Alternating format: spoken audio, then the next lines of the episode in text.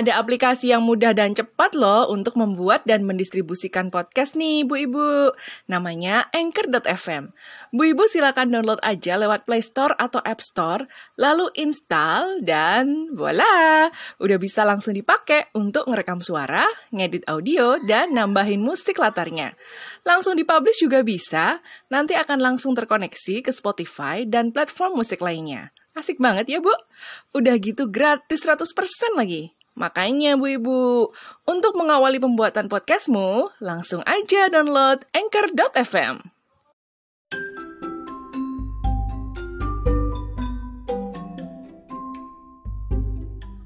Bu Ibu, Bu Ibu, how are you? Here I am, here I am, how are you?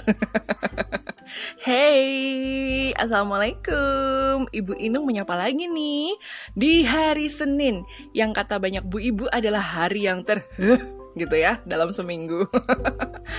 Karena ada di awal minggu dan rasanya selalu seperti diburu-buru. Wah. Jadi pengen gaspol ya Bu ya. Tapi kalau bisa jangan kebablasan deh gaspolnya bu.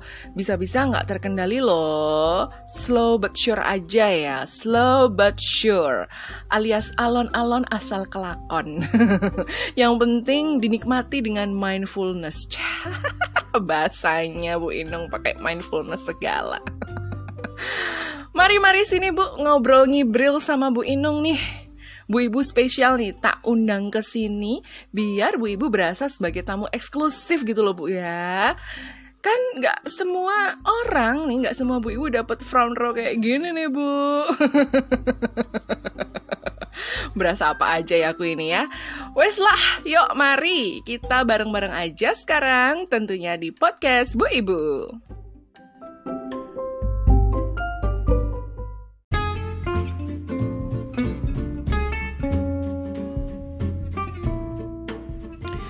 Bu Ibu, beberapa hari lalu aku mengunjungi sepasang suami istri tetangga aku yang baru aja dikaruniai anak pertama. Wow, mereka kelihatan bahagia banget dapat anak laki-laki. Tapi aku bisa lihat juga ada guratan-guratan lelah di wajah sang ibu, sang new mom ini ya, si ibu baru ini. Well, actually usia baby ini bukan yang bener-bener newborn sih. Maksudnya aku baru bisa visit jenguk mereka itu be mereka babynya ini itu uh, setelah kira-kira usia tiga bulan ya. Jadi uh, bulan Oktober kemarin mereka uh, melahirkan gitu. Udah kelihatan besar badan si baby ini dalam artian tumbuh kembangnya tuh baik ya, seger gitu, sekel gitu badannya gitu kan. Terus memang menunjukkan ya ciri-ciri yang baik dari se seorang baby tiga bulanan gitu. Nah, ketika kami mengobrol singkat, mataku ini, ini mataku, mata-mata, nggak ibu ya. Waktu ngobrol-ngobrol nih, mataku ini kemudian tertuju pada sebuah botol dot susu yang ada di atas uh, buffet televisi gitu ya. Nah, isinya itu susu hampir seperempat botol dot itu. Aku pribadi nih ibu berusaha keras tidak menanyakan apa pun kepada sang ibu seputar susu yang dikonsumsi sama si baby gitu ya. Tidak ingin aku mengetahui apakah susu di dalam botol dot itu isinya susu formula atau ASI perah gitu. I don't wanna know. Ya, aku nggak mau tahu. But then again, aku cuma nanya nih sama si ibu baru ini. Oh mbak, berarti sekarang lagi cuti melahirkan ya? Saya cuma saya cuma nanya kayak gitu. Dan dia jawab, enggak bu, saya udah resign kok dari kantor sejak lama karena saya ini termasuk yang bermasalah hamilnya, jadi harus banyak istirahat. Ya, jawabnya dia gitu. Dan aku cuma, oh ya ya ya ya.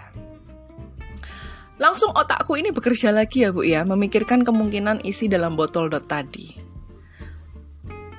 Kemudian aku membuat sebuah logika dan aku yakin bu ibu pun pasti akan berlogika begini juga.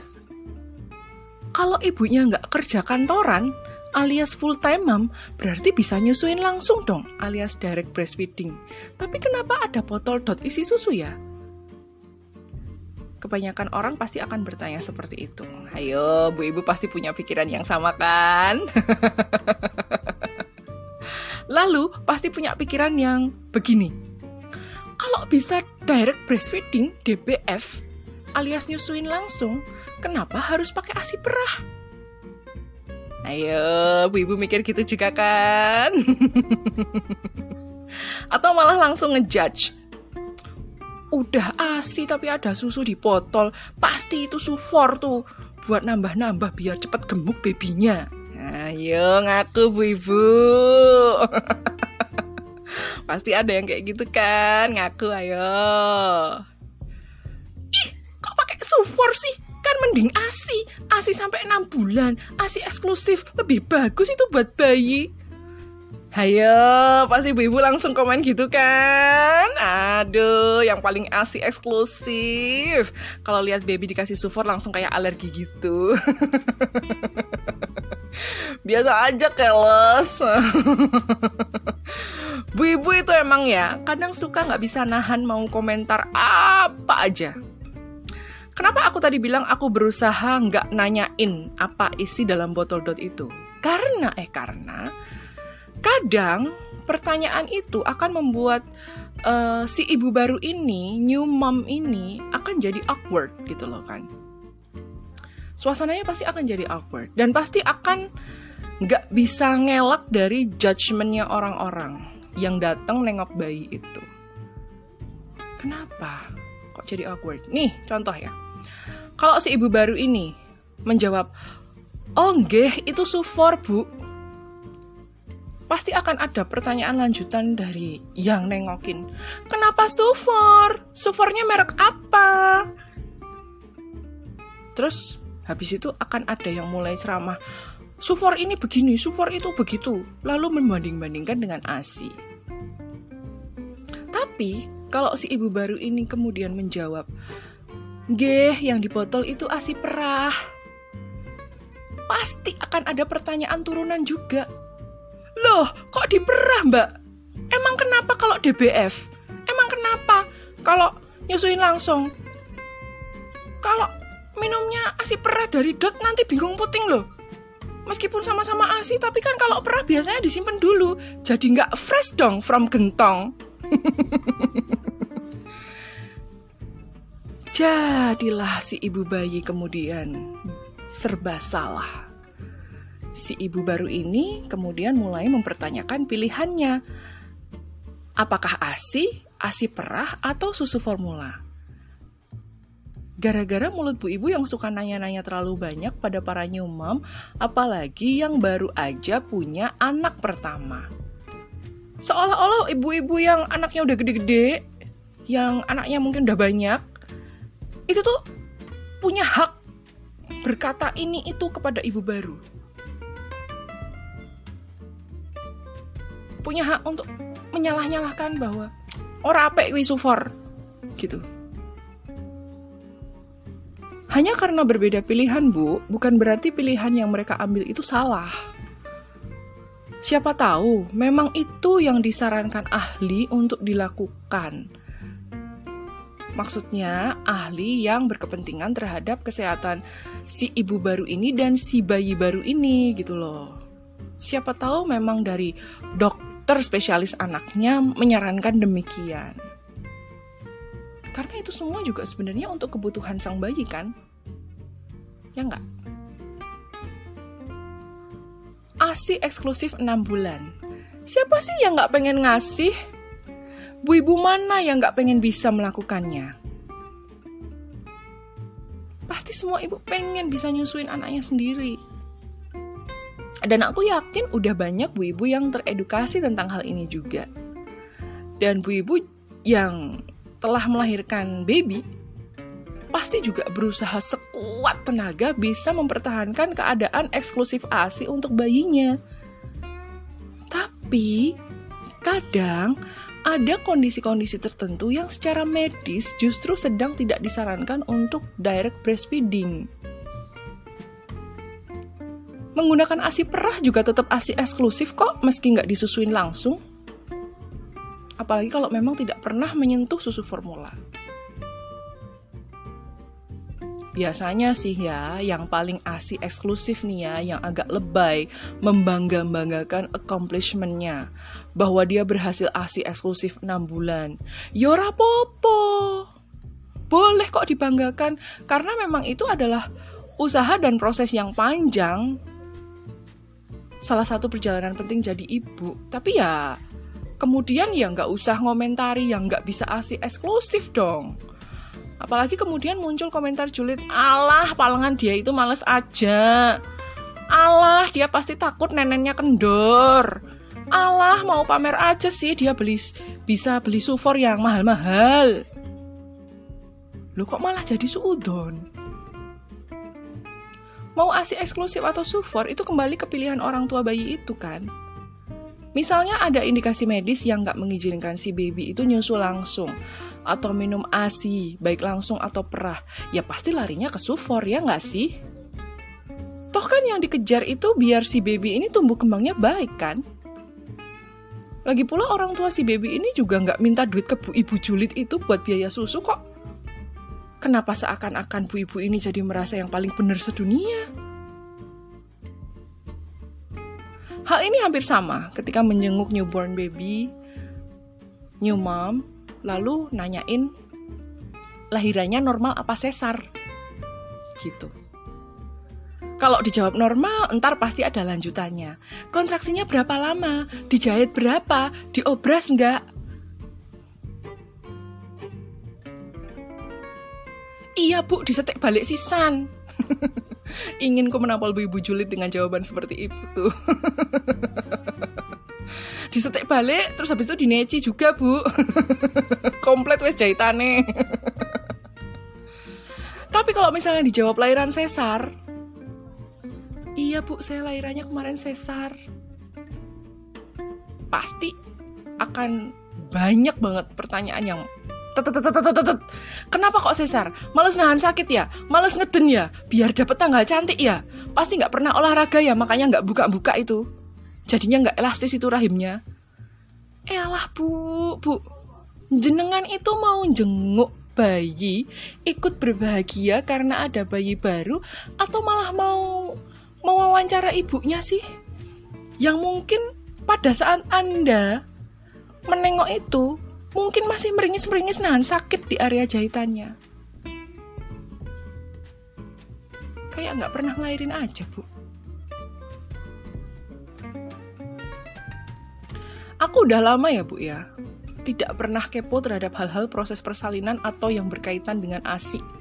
Setiap kali nengok newborn. Karena aku menganggap zaman ini sudah maju segala akses informasi dan edukasi soal kehamilan, persalinan, tentang menyusui itu udah gampang dan banyak banget. Dan aku yakin juga saat sepasang suami istri memutuskan untuk hamil, melahirkan dan menyusui, mereka itu pasti udah punya pertimbangan dan persiapan sendiri. Jadi kita sebagai orang luar ya dari keluarga itu, kita datang hanya menjenguk Ya, nggak perlu tanya ini itu normal atau sesar asi eksklusif atau sufor sudah tidak perlu lagi. Ngonten gih, Bu Ibu? Understand, Bu? Ya. Yang diperlukan seorang ibu baru itu adalah support. Ya, dukungan. Tanyain kabarnya gimana masih ada rasa pegel-pegel nggak mbak? Masih ada rasa nyeri-nyeri nggak bu? Masih kerasa geliyeng-geliyeng nggak mam? Sehat-sehat kan mam? Tanyain kabarnya gimana? Maamnya gimana setelah lahiran? Jadi tambah banyak? Apa masih kurang? Gampang lapar? Apa bagaimana? Tanyakan saja. Kalau mereka capek, ya kita datang untuk menghibur mereka.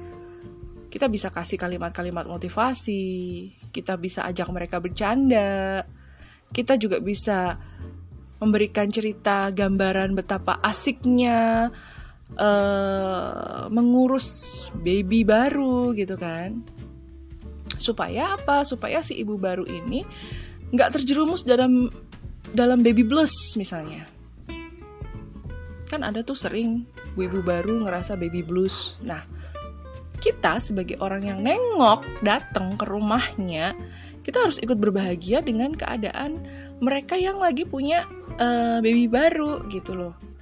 Kalau kita datang dengan penuh kebahagiaan ya ikut ikut berbahagia lah istilahnya ada anggota baru telah hadir vibe-nya itu pasti akan bisa dirasakan sama mereka kok bu yang capek-capek ngurusin bayi, begadang, nyusuin, itu pasti akan sedikit berkurang kalau kita sebagai yang nengok itu bisa menghibur mereka gitu.